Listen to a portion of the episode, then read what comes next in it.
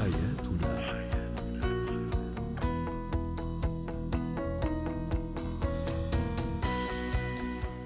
نجدد تحية لكل مستمعينا ومستمعاتنا. أنتم تستمعون لبرنامج حياتنا برنامجكم اليومي الذي يحنى بشؤون الأسرة وباقي الشؤون الحياتية الأخرى.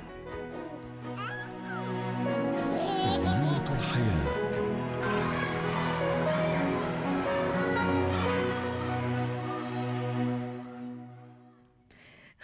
الطفل الحفاظ من التحديات الصعبة التي تمر بها الأم وحتى الطفل أيضا. هذه المرحلة لن تتم بالشكل السهل واليسير كما تتوقع بعض الأمهات. تحتاج الكثير من الصبر والتحدث مع الطفل.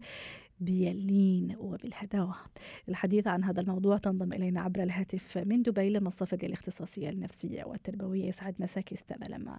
أحيانا قد أظن أنه هذا الموضوع موضوع أني آه، خلي الطفل يتخلى عن الحفاظ أمر سهل وبسيط أحيانا بالعكس قد أفقد صبري. كيف كيف الخطوات؟ ما هي الخطوات اللي آه، يعني أتمكن من خلالها أني أخلي طفلي يستغنى عن عن الحفاظ؟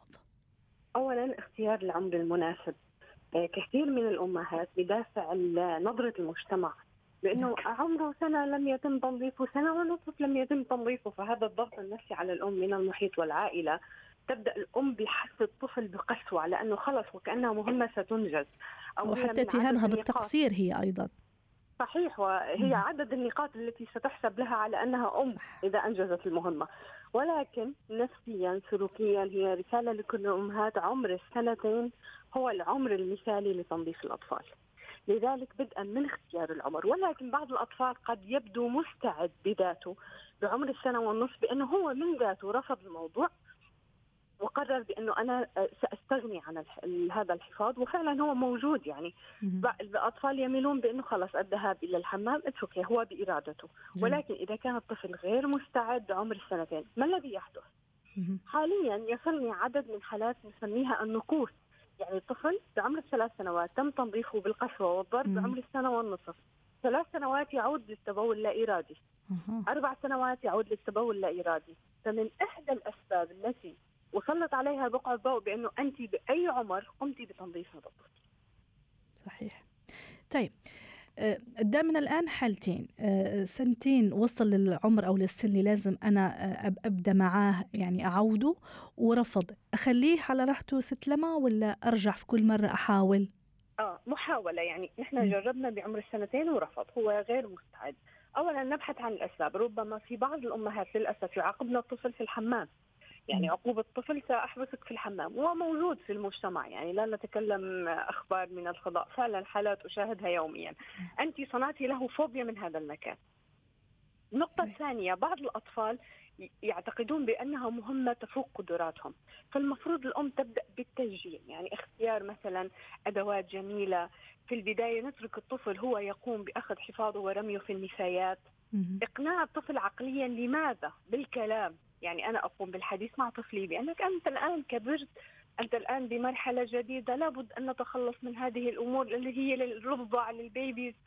فبالتالي نبدأ محاولة إذا رفض ولم يستجيب أعطيه مهلة شهر. أنسى الموضوع تماما لمدة شهر كامل وأعود للمحاولة. ممتاز. جميل. طيب الآن خلاص يعني كملنا من من من الطفل اللي ما عنده الرغبة واتفقنا أنه في كل مرة نحاول آه، يعني مدة شهر نغيب عن الموضوع ثم نرجع مرة أخرى.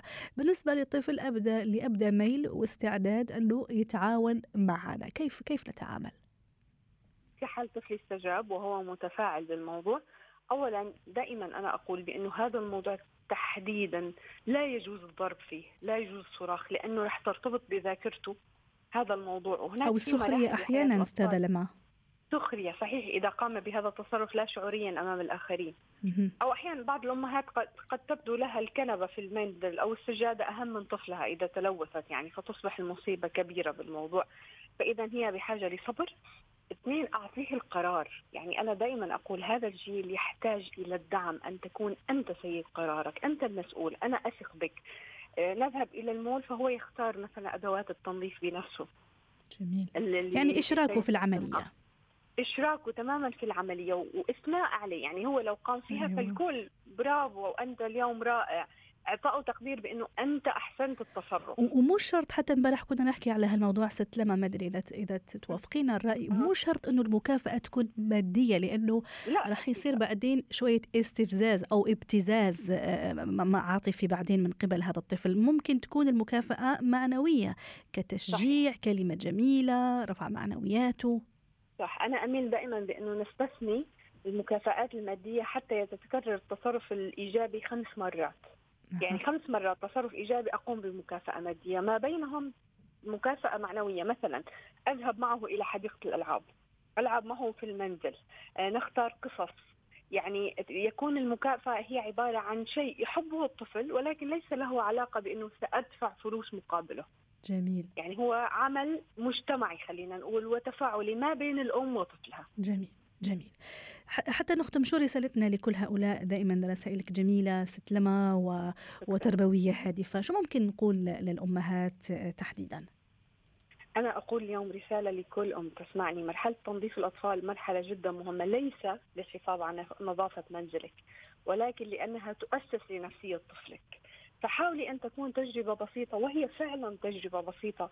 وابتعدي كثيرا عن أقوال المجتمع لأنه نحن لا تصنف حياتنا بناء على يقال بأنك أم مثالية. أنت أم مثالية بكل الحالات. نعم. ولكن حافظي على طريقة دائما اجتياز الطفل مراحل من حياته كي تمر مرور يعني الكرام فبالتالي هو طفل مستقر نفسيا. شكرا لك دكتورة لما الصفدي الاختصاصية النفسية والتربوية ضيفتنا من دبي.